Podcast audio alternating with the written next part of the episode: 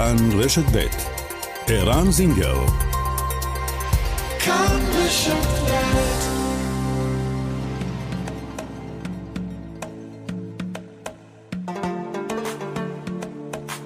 מרחבת, מגזין לעניינים ערביים בארץ ובעולם, עם ערן זינגר. مرحبت مجلة تتناول شؤون العرب في البلاد والعالم مع عيران زنجر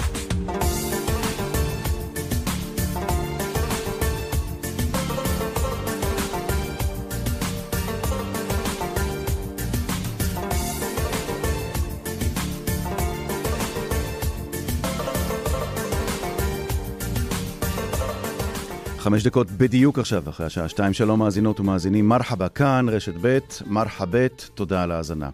סמוך לכפר רג'ר. שבגבול הצפון היה לפני הצהריים שיגור משטח לבנון לכיוון שטח ישראל. לא היו נפגעים, צה"ל תקף בתגובה בתוך השטח הלבנוני. מיד כתבנו בצפון רובי המרשלג יעדכן משם. דרומה משם, באזור ג'נין, ישראל מסכמת השבוע עוד מבצע צבאי נגד ארגוני הטרור. מה אומרים בג'נין ביום שאחרי? באיזו מידה השפיע המבצע על המוטיבציה של המחבלים? מה חושבים שם על מנגנוני הביטחון של הרשות הפלסטינית? והאם שיפור במצב הכלכלי שם באזור ג'נין הוא התשובה לטרור? תושב האזור, מאזור ג'נין, יספר לנו כאן בעברית מה קורה שם עכשיו. על רקע הצעדים שהקואליציה מקדמת, בין השאר לפירוק לשכת עורכי הדין, זימנו למרחבת את העורך דין אמתנס שער, ששימש במשך שנים חבר המועצה הארצית של הלשכה ויושב ראש פורום הנזיקין הארצי. שיחה מרתקת על הקשר שהוא רואה בין החקיקה הנוכחית לבין חוק הלאום, והתחושה שגרם החוק הזה, חוק הלאום, ועדיין גורם בתוך הציבור הערבי כאן בארץ. גם השבוע ניסו שני יהודים בעלי חזות חרדית להתקרב למתחם כנסיית סטלה מאריש על הכרמל ונבלמו בידי צעירים נוצרים לאחר שככל הנראה שוב ביקשו להתפלל שם בטענה שבמקום קבור אלישע בן שפט, תלמידו של הנביא אליהו. נשוחח עם האדמו"ר של קהילת אשלג בקריית יערים, הרב אברהם מרדכי גוטליב. הרב גוטליב נועד עם ראשי המנזר בסטלה מאריס, הוא קורא ליהודים לכבד את דתם של השכנים ולא לחשוש שכבוד לדת של האחר פירושה מעשה כפירה. נשוחח איתו. ולסיום, חגיגה גדולה לחובבי השפה הערבית. בימים אלה רואה אור המילון הערבי-עברי החדש מאת מנחם מילסון. יש בו 45 אלף ערכים בצירוף הערות, הרחבות, ציטוטים מהקוראן ומהשירה הערבית העתיקה, פתגמים, ביטויים ומטבעות לשון. הפרופסור מילסון יהיה כאן איתנו במרחבת שעורכת שושנה פורמן, המפיק אביגל בשור, הטכנאים אוסקר טרדלר ורומן סורקין. אנחנו מתחילים מיד. כאמור, עדכון אה, לפני הכל שלך, רובי אמרשלג, כתבנו בצפון, על מה שראינו כמתיחות, אה, מסתמן כמתיחות שם, אחרי השיגור מתוך שטח לבנון, אזור רג'ר לתוך שטח ישראל. אה, רובי, מה אתה רואה ושומע עכשיו? כן, אז האמת היא שאני כרגע בתוך הכפר רג'ר, וכאן אין שום סימן למתיחות הזאת שאנחנו מדברים עליה כבר משעות הבוקר המאוחרות. יש כאן תיירים, אתה יודע, בחודשים האחרונים הכפר רג'ר נפתח למטיילים. וגם הבוקר, גם עכשיו ראינו כאן לא מעט מטיילים.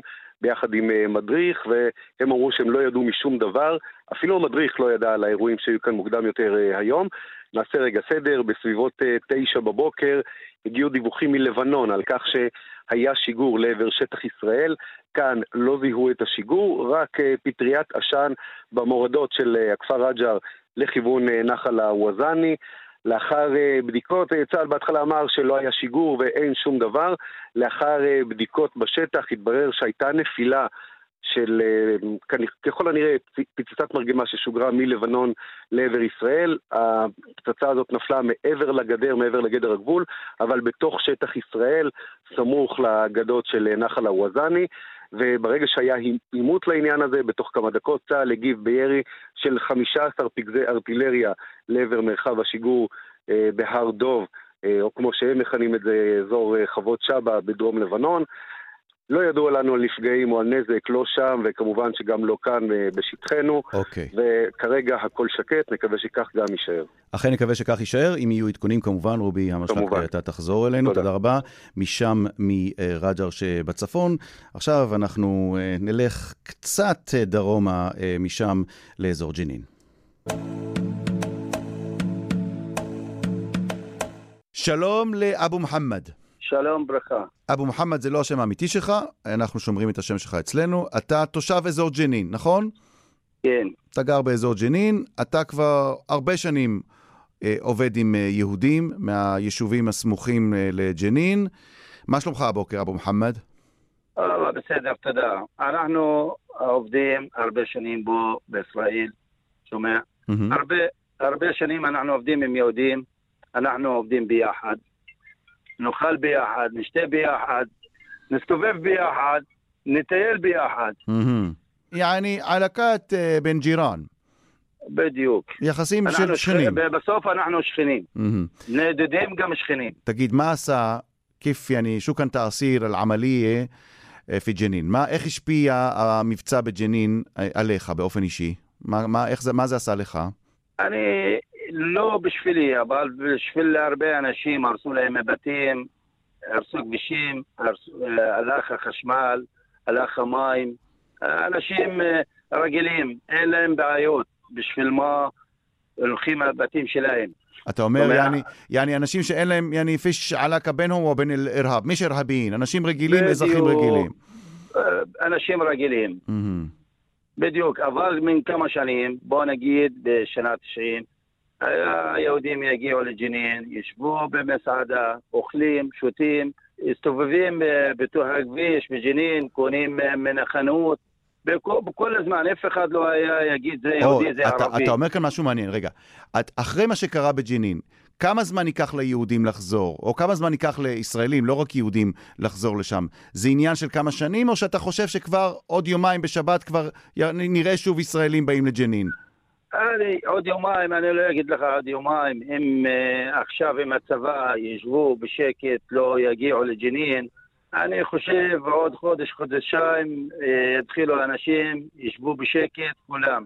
מה אנשים אומרים? עכשיו, אחרי המבצע, אחרי מה שראינו שם, אחרי, אחרי שהסתיימה אה, כמו, הפעילות. כמו היהודים אצלכם, אנחנו רוצים לחיות, לחיות בשקט, שומע? כן. צריכים כלכלה, כסף, אה, משכורת בסוף החודש. מה אנשים אבל, שו אל-חדית' דאחילי, ענדכם, מה השיח הפנימי? האם אנשים, על מי אנשים כועסים? עכשיו, בוא אה, נגיד נפתר אה, הבעיה. אבו מוחמד, אבו מוחמד, אני שואל אותך שאלה חשובה. האם אתם, האנשים הפלסטינים שחיים באזור ג'נין, אתם כועסים עלינו, כועסים על ישראל, כועסים על צה"ל בגלל מה שעשה, או שיש אנשים שכועסים גם על הפעילים, על הטרוריסטים, על המחבלים שפעלו שם בתוך המחנה? על מי אתם באמת כועסים? תשמע, אנחנו, אין לנו שום בעיה עם היהודים, אבל צבא מה עשו בג'נין, זה קשה בש, בשבילכם גם בשבילנו. שומע? מטוסים, טילים, הכל. אז בשביל מה? בשביל ילדים? אה, אתה מדבר על ג'נין, זה 80 כפר. לא כפר אחד, לא שתיים, 80 כפר. אם אתה עושה סגר על האנשים, שומע? אף אחד לא ילך לעבודה. אם אתה צריך ללך לעבודה, אתה מפחד, תלך. שומע? אם יש בעיה בתוך הג'נין, מה אכפת לכפרים אה, על יד ג'נין? מה הבעיה שלהם? אין להם בעיה. למה יושבים בבית? אתה, אתה צריך אה, לפתור הבעיה, תן לאנשים לחיות, תן להם ישורים ייכנסו לישראל.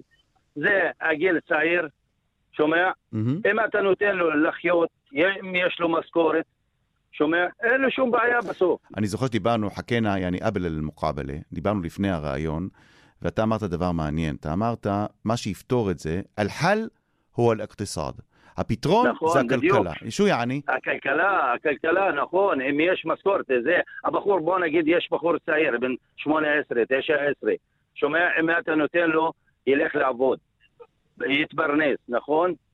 נכון. הוא כל הזמן רוצה להגדיל הכסף, לא, צר, לא צריך בעיות. עכשיו בוא נגיד שאלה אחרת, אני רוצה לשאול אותך. אם יש לי חנות קטן, שומע? כן. אני רוצה להגדיל אותו, אולי להקטין אותו. חייב להגדיל אותו. איך אני מגדיל אותו? אם יש שקט בכפר, אם יש שקט עם בין יהודי וערבי, אני יכול להגדיל. אם אני הולך, יש לי מתפרנס, זה מתפרנס, מביא משכורת בסוף החודש. אני רוצה לחיות, גם אתה רוצה לחיות, לחיות גם אני. אתה מאמין? אני לא אכפת לי אם אתה יהודי או ערבי, בסוף אנחנו בן אדם. תגיד, יהיה עכשיו שקט? אנחנו נראה שקט אחרי מה שקרה בג'נין, או שאתה חושב שאל-עמליה, אל-קאדימה, יעני, ממש תבוא בקרוב? וואלה, אני חושב, אה, עכשיו יש, יש, יושבים כולם בשקט, אחרי מה קרה בג'נין, אה, כולם, הצה"ל יעשו חישוב אחר, גם אצלנו יעשו חישוב אחר, מה, רגע, רגע, בשקט. מה זה, מה זה אומר חישוב אחר? אתה אומר שאנשים, מה, מה, מה זאת אומרת, יעשו אצלכם בג'נין חשיבה אחרת? שו יעני? הרבה מן האנשים הולכים לעבודה שלהם, עכשיו כל אחד מחפש את המשכורת, לא, לא, לא, לא לעשות בעיות. את, Mhm. אתה חושב אם נשאר עוד, אם אתה סוגר, סוגר על האנשים, זה הבעיה. Mhm. אבל אם אה, המחסום פתוח, אתה נותן להם לחיות, אה, תפתר הבעיה לבד. אתה יודע, היה, היה משהו מאוד מעניין. أنا شفت ال- ال- ردود الفعل, ردود الأفعال بالشبكات الاجتماعية. ראיתי את התגובות ברשתות החברתיות. וכאן פי, יעני, חלת מן האינתיסאר. כאילו, אנחנו, הפלסטינים, ניצחנו, ואתה מסתכל ברשתות החברתיות כאן בישראל, אז גם מדברים על ניצחון. אתה מרגיש ששני, שכל צד מסתכל כאילו הוא ניצח עכשיו במה שקרה שם ב- בג'נין? אם נהרג בן אדם יהודי או לערבי, מי מרוויח? בסוף מי מרוויח? ערבים לא מרוויחים, יהודים לא מרוויחים. אם נהרג בן אדם פלסטיני או יהודי, מה, מה, מה מעניין? זה בן אדם בסוף. תגיד, אבו מוחמד, את הרשות, את, את, את ה- כוחות הביטחון של הרשות הפלסטינית, אנשים רוצים לראות שוב בג'נין? אה, אין להם כוח בג'נין, המשטרה הפלסטינאים אין להם כוח. למה? בגלל לא מקבלים משכורת גם. חצי משכורת, רבע משכורת. שומע? לא מקבלים כסף. בגלל זה אין להם כוח. אם אני הולך לעבודה, בסוף החודש אני לא מקבל כסף, איך אני, יש לי חשך לעבוד? גם הם לא, הם לא מקבלים כסף, הסולטה לא נותן להם חצי משכורת. יעני, אם אה, לוקח 1,500 שקל בסוף החודש, מה יעשו? אבו מוחמד, אני רוצה שתשתמש עכשיו בהזדמנות הזו שאתה מדבר, ואנת תתחדס מע אל-ג'ומהור אל-ישראלי עבר אה, אל-רדיו אל-ישראלי. שו אל ריסאלה, תבעקום, אהל ג'נין, אהל מנטקה ג'נין. לג'ומהור הישראלי. מה המסר שלכם, תושבי אזור ג'נין, לציבור הישראלי? אני אומר ככה, לכל הישראלים, נשב בשקט, אנחנו עובדים, נעבוד ביחד, נעשה לילדים שלנו משהו טוב, לא נעשה בעיות לילדים שלנו, גם לילדים שלכם. שומע? אנחנו צריכים פלסטין בישראל משהו ירוק. לא שחור, ירוק. עתיד ירוק, אתה אומר. בדיוק. אבו מוחמד, שם בדוי, אה, اسم אה, مستعار. אבו מוחמד, אה, תושב אזור ג'נין. תודה, תודה רבה לך שהיית איתנו. הדברים שלך מאוד חשובים, חשוב להשמיע אותם בשידור הישראלי כאן אצלנו. תודה רבה. ביי. يعطيك العافية. ביי ביי. זו השיחה. אה, בעוד אה, זמן קצר, מיד אחרי הפרסומת, שיחה מרתקת, גם זאת שיחה מרתקת, על הקשר שנראה בין החקיקה אה, של הקואליציה הנוכחית, למשל הרצון לפרק את לשכת עורכי הדין, לבין חוק הלאום. שיחה עם העורך דין אמטנס שער, שימש במשך שנים חבר המועצה הארצית של הלשכה ויושב ראש פורום הנזיקין הארצי. פרסומת, ומיד נשמע את השיחה הזאת.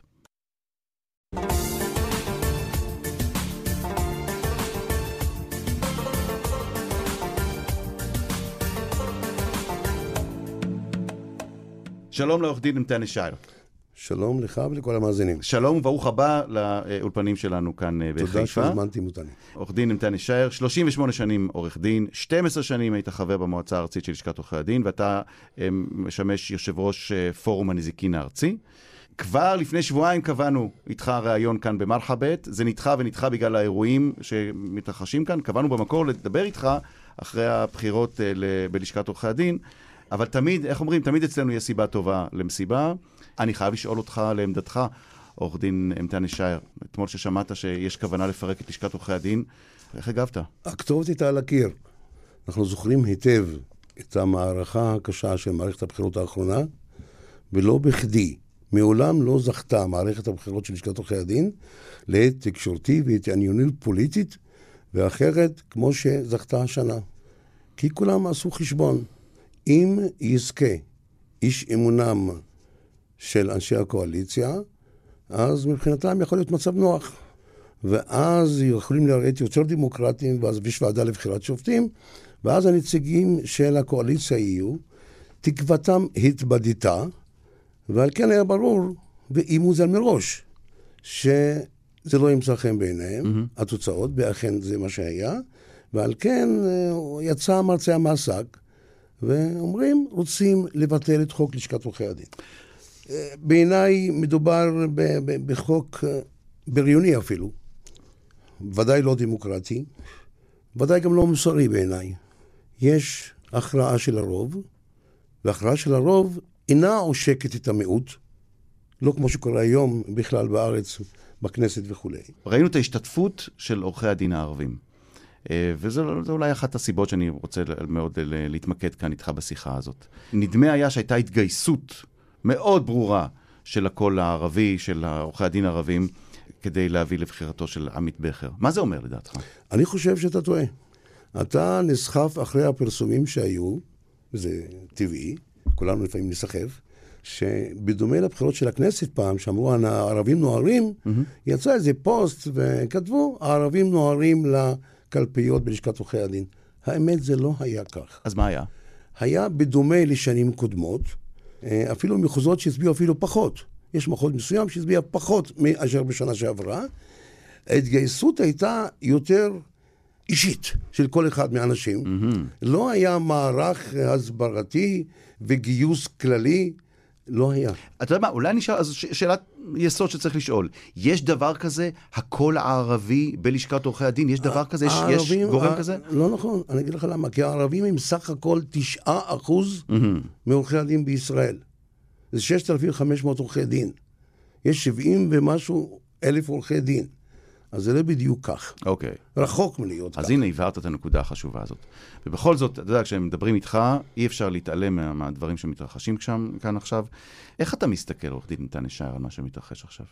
אתה יודע מה, אני חייב להתייחס להצעה לבטל את הלשכה בעוד משפט אחד אולי.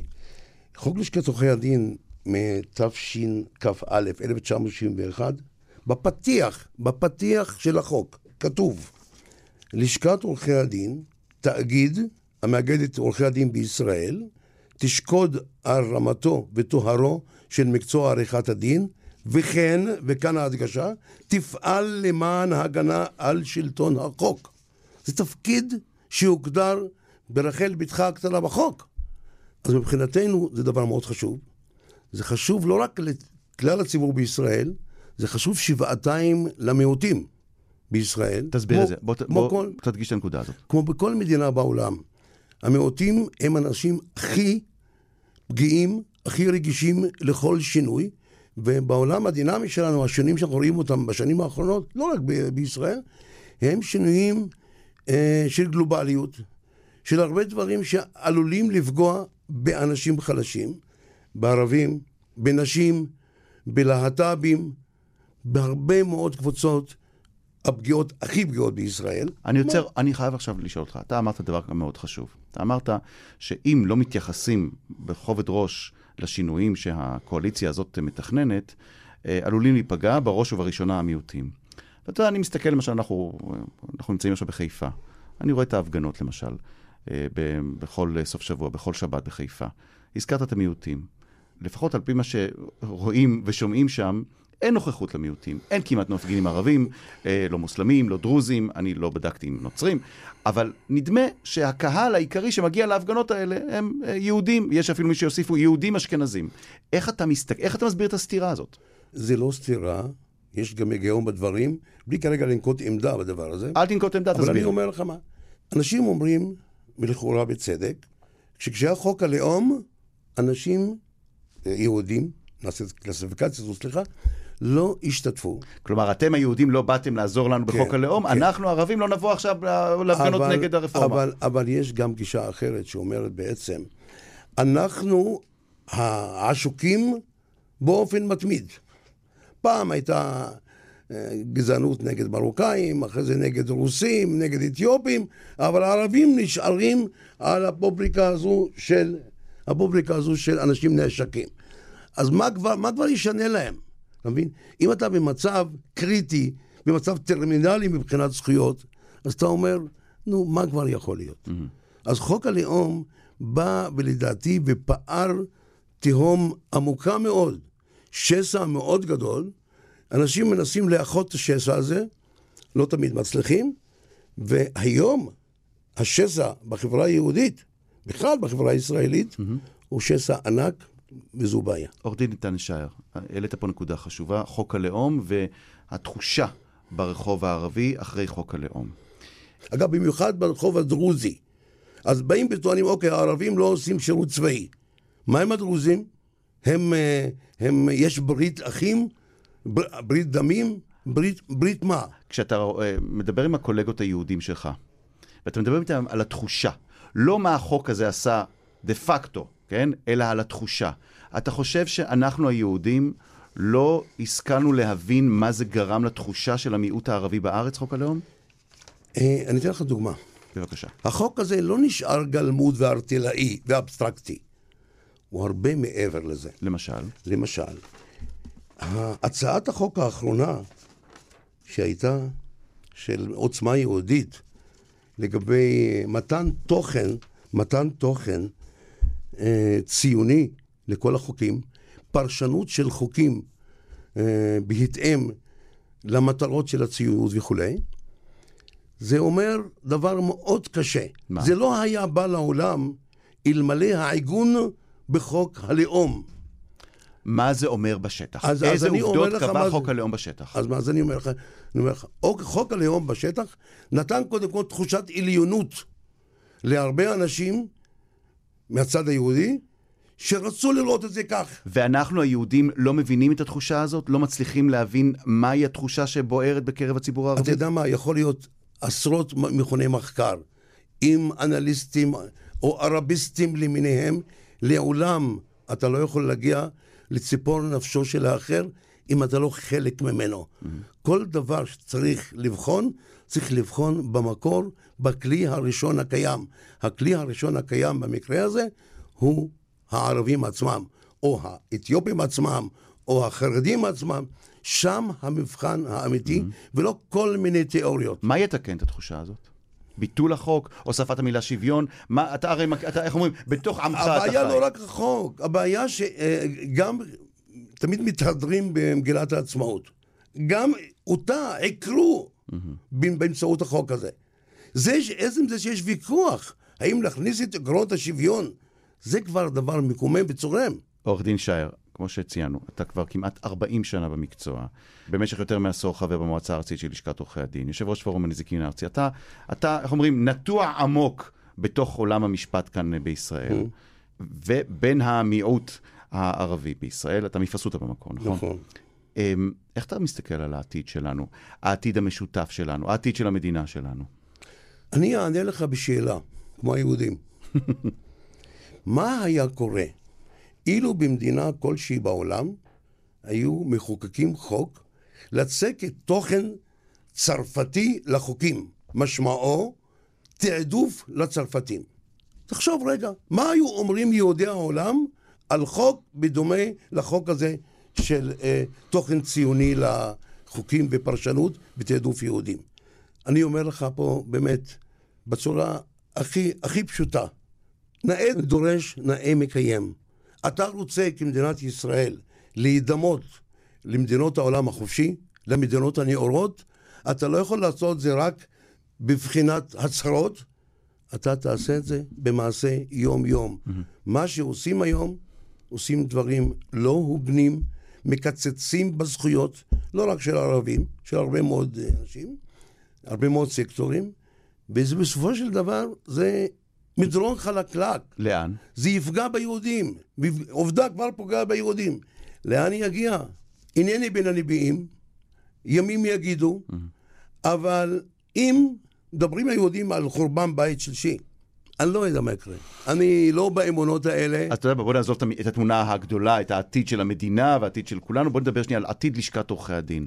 מה שקרה אתמול בכנסת, לדעתך, יתקדם ל- לכדי פירוקה של לשכת עורכי הדין, כמו שאנחנו מכירים אותה היום? אני נולדתי אופטימי, אני מקווה שלא. כי לשכת עורכי הדין זה לא סתם גילדה מקצועית שיש לה אג'נדה חברתית ששומרת על חברים שלה. זה הרבה מעבר לזה. זה מוגדר ברשע של החוק, גם מקצועית וגם שמירה על שלטון החוק. אם יבטלו את הלשכה, ואני מקווה שלא יצליחו, בעצם בטוחני שכמעט ודאי שלא, שלא יצליחו, mm-hmm. אבל אם יצליחו, זה תחילתו של מדרון חלקלק. אז מחר יבטלו כן. כל גוף אחר שמנסה או מתיימר לשמור על שלטון החוק, לא יתפלא אם יום אחד יבטלו גם את מבקר המדינה, אם איש לא איש מטעמם. שלא מייצג את האג'נדה הממשלתית. אגב, ממשלתית זו לאו דווקא הממשלה של היום.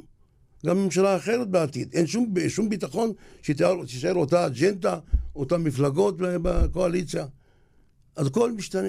אתה אומר פה דברים מאוד מאוד קשים, אה, עם תחזיות אה, לא נעימות. אולי על רקע מה שאנחנו רואים בימים האחרונים, אתה כן רואה איזה, איזה שבב של uh, תקווה uh, לקראת משהו אחר? אמרתי לך, אני נולדתי אופטימי.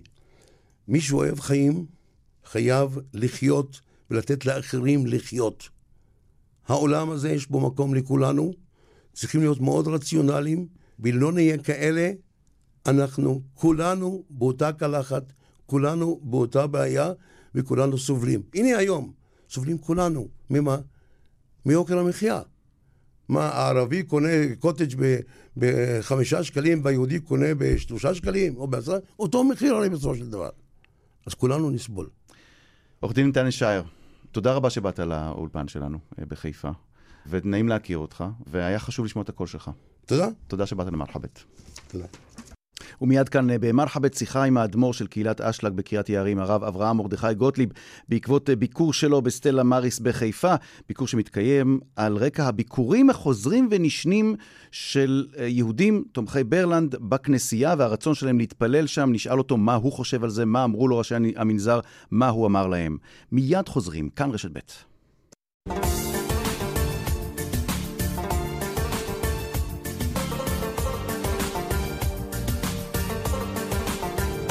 20 דקות עכשיו אה, לפני שלוש מרחבת. גם השבוע ניסו יהודים בעלי חזות חרדית להתקרב אל מתחם כנסיית סטלה מארי של הכרמל. הם נבלמו בידי צעירים נוצרים לאחר ש... כנראה גם הפעם ניסו להתפלל שם בטענה שבמקום הזה, על הכרמל, קבור אלישע בן שפט, תלמידו של הנביא אליהו. אנחנו רוצים לשוחח, להרחיב קצת בנושא הזה, בתגובות בתוך אה, העולם הרבני, העולם התורני, למה שקורה שם אה, בסטלה מאריס. ואיתנו עכשיו, כאן במרחבת, האדמו"ר של קהילת אה, אשלג בקריית אה, יערים, הרב אברהם מרדכי גוטליב. שלום לך, אדוני. שלום וברכה. אמ, אתה אמ, הגעת למקום, נועדת עם ראשי המנזר, פגשת אותם, אה, וזה קרה אחרי, האמת היא שכבר פרסמת עוד לפני האירוע השבוע, פרסמת סרטון משלך. אדוני, מה, מה היה, למה היה חשוב לך? מדוע לך דווקא היה חשוב לבוא אה, לכרמל, להיוועד עם ראשי המנזר? מה בעצם אמרת להם שם? אני אמרתי להם שהתורה היא נגד כל אלימות. דרכיה דרכי נועם וכל נתיבותיה שלום. אני פשוט מעוניין להציג צורה של יהדות אחרת ממה שמוצגת במרחב הציבורי. Mm-hmm. אני בא מחוכמת הקבלה ומספר הזוהר, שאני עוסק בהם כבר מגיל 14, וכל הכיוון של חוכמת הקבלה הוא כיוון של ואהבת לרעך כמוך, כיוון של שלום, וכיוון ששולל כל אלימות. ישבתי איתם שם, האמת היא שהם התקשרו אליי והזמינו אותי, mm-hmm. אחרי שהם ראו את הסרטון. וישבתי איתם, ודיברנו שלום, היה שם האב של המנזר, והיה שם גם אדם בשם וליד אבו נאסר, שהוא מטעם הוותיקן, יועץ כלל הכנסיות כאן בארץ, והיה חשוב להם מאוד לשמוע את המסר הזה, שהוא מסר של פנימיות התורה בעד שלום ונגד אלימות. להבנתך, הרב גוטליב, מה עושים אותם אנשים שבאים להתפלל שם. אגב, אנחנו בדקנו, שידרנו כתבה גם בכאן 11, אה, שוחחנו עם אחד מאנשיו של ברלנד, הוא אומר, זה לא נעשה, ברלנד מעולם לא קרא לחסידים שלו להיכנס לשם, זו הייתה יוזמה פרטית של אחד מחסידיו, אבל למען ידעו כולם, יהודים מתפללים, או אנשים בעלי חזות יהודית חרדית מתפללים בתוך כנסייה, לצד, לצד צלבים ופסלים. מה עמדתך כיהודי ירא שמיים כשאתה רואה דבר כזה? טוב, זה ברור שזה אסור באיסור מוחלט. גם אם, אם היה שם הקבר של אלישע הנביא, זה היה אסור לגמרי. קל וחומר בזמן שהדברים הם מאוד מאוד uh, מסופקים. אני שאלתי שם את אנשי המנזר, האם אכן, והם אמרו לי, שום דבר, אין כאן שום דבר. אם היה כאן הקבר של אלישע הנביא, אנחנו היינו הראשונים אה, לשמוח בדבר הזה, כי אנחנו, אנחנו גם מאמינים בו, באליהו הנביא, באלישע הנביא. אבל אין, פשוט אין. לצערנו אין. אז לכן אין מה לחפש שם אה, ליהודי חרדי. ואתה מגיע לשם, ואתה אומר בין השאר, אתה אומר, עלינו לכבד את דתו של האחר. זה שאני מכבד את הדת של האחר, זה לא אומר שאני מסכים איתו, זה לא אומר שאני מקבל את דתו, וצריך להפסיק לחשוב על כל יהודי שמכבד את דתו של שכנו האחר, או דתו האחרת של השכן, כמי שכופר, כמי שאימץ את דתו. אני חייב לשמוע ממך, כמה זה נפוץ היום בשיח, בחברה שלנו, החברה היהודית, שאם אני מכבד, מצורה, מדבר בצורה מכובדת אל שכני המוסלמי או הנוצרי, אני כבר כופר כי אני העזתי לאמץ את דעתו. עד כמה אתה רואה בסביבה שלך דבר כזה? לצערי אני לא רואה. אני סבור שהמרחב הציבורי שלנו הוא ממש נמצא בסוג של אה, פאניקה. זאת אומרת, אה, כל היהודים החרדים, אני סבור שהם בטוחים שאין לחילונים בעולמם אלא אך ורק מחשבות איך להפוך את היהודים החרדים לחילונים. Mm-hmm. והחילונים מבחינתם עצמם הם גם בהיסטריה גמורה, כי הם בטוחים שאין ליהודים החרדים בעולמם שום דבר אלא רק להפוך את החילונים לדתיים. ואותו דבר גם בעניין הזה. כולם חושבים שהנצרות היא מעוניינת אך ורק ביהודים, וממילא יש פה היסטריה שלמה שאם אתה בא ואתה מדבר איתם, מדבר שלום ומדבר בצורה אנושית כמו בני אדם, אז אוי ואבוי אתה כבר תושפע מהם ואתה כבר תקלוט מדעותיהם ומכל הדברים המסולפים שלהם. ואני רוצה לומר, לא רק בהקשר של אה, יהודים ונוצרים, אלא גם בהקשר של דתיים וחילונים, כן. שזה לא היה ולא נברא. זה לא קיים כל הדבר הזה. כל אחד הרי חי את החיים שלו, ואין פה לאף אחד שום עניין להשתלט על השני. ואם אתה הולך ומדבר שלום ולוחץ יד ו- ורוצה שבעצם יהיה דו-קיום אנושי מינימלי, אין בזה שום בעיה. ודרך אגב, mm-hmm. בהמשך לפגישה שלי איתם, נפגשתי עם אנשים אחרים לגמרי, עם uh, שייח' ערבי שגם הוא יושב על הכרמל. מחיפה, האחמדים, המנהיג של העדה האחמדית. מוחמד כן. שריף עודה, כן. ראש העדה האסלאמית האחמדית. מיודענו, כן. כן, האמת היא שהוא הדהים אותי. אני לא... לא ידעתי שקיימים כאלה דברים. אתה לא מבקר מספיק בחיפה כנראה, אני כנראה לא, זאת אומרת, נכנסתי שם לסלון, מלא ספרים, אני רואה במרכז הספרייה שלו את ספר הזוהר עם פירוש הסולם. והוא אומר, אנחנו בהחלט בעד שלום ונגד אלימות. אנחנו נגד כל המחבלים למיניהם שמנסים אה, באלימות רבה אה, להשיג את מטרותיהם.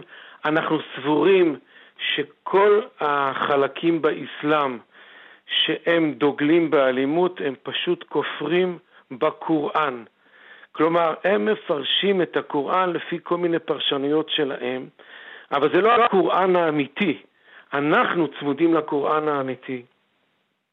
ובקוראן האמיתי שם כתוב לכבד ושלום ונגד אלימות ואנחנו יודעים על החלק החשוב של היהודים בארץ ישראל ועל זכותם בארץ ישראל, ובהחלט שאנחנו מעוניינים וצריכים לכבד אותם. והוא אמר לי, הרי ידוע ששמו של האלוקים הוא שלום, ואם הבנים והבנות שלו לא חיים בשלום, זה אומר שהם מנותקים מהאלוקים. הרב גוטליב, אני חייב לשאול אותך לסיום. מדוע שומעים רק כל כך מעט אנשים כמוך שמדברים בצורה כזאת. איפה הרבנים, איפה הממסד הרבני כשתוקפים אנשי דת uh, בירושלים, אנשי דת נוצרים ויורקים על נזירות? מדוע שומעים מעט מאוד אנשים אותך למשל, ולא יותר מזה?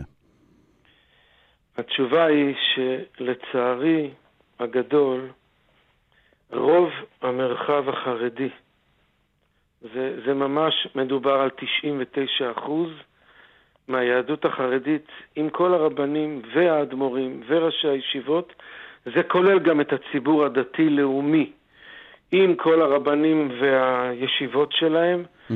הם לא עוסקים בצורה מסיבית בחוכמת הקבלה ובפנימיות התורה. Mm-hmm. כי חוכמת הקבלה היא, היא מושתתת לחלוטין בצורה ממש מדעית על הנקודה הזאת שהאדם חייב לחסום את האהבה העצמית שלו ואת כל הנטיות החייתיות שבו לאלימות ולפתח אהבת אלוקים ואדם. יש בתוכנו נפש אלוקית ונפש בהמית.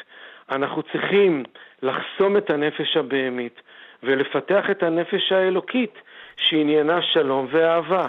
ומכיוון שהלימוד הזה הוא כמעט ולא נמצא במרחב הציבורי, לא החרדי ולא הדתי, לכן הם סגורים בכל מיני סוגים של פר... פרנויות וחרדות וכל מיני דמיונות והזיות.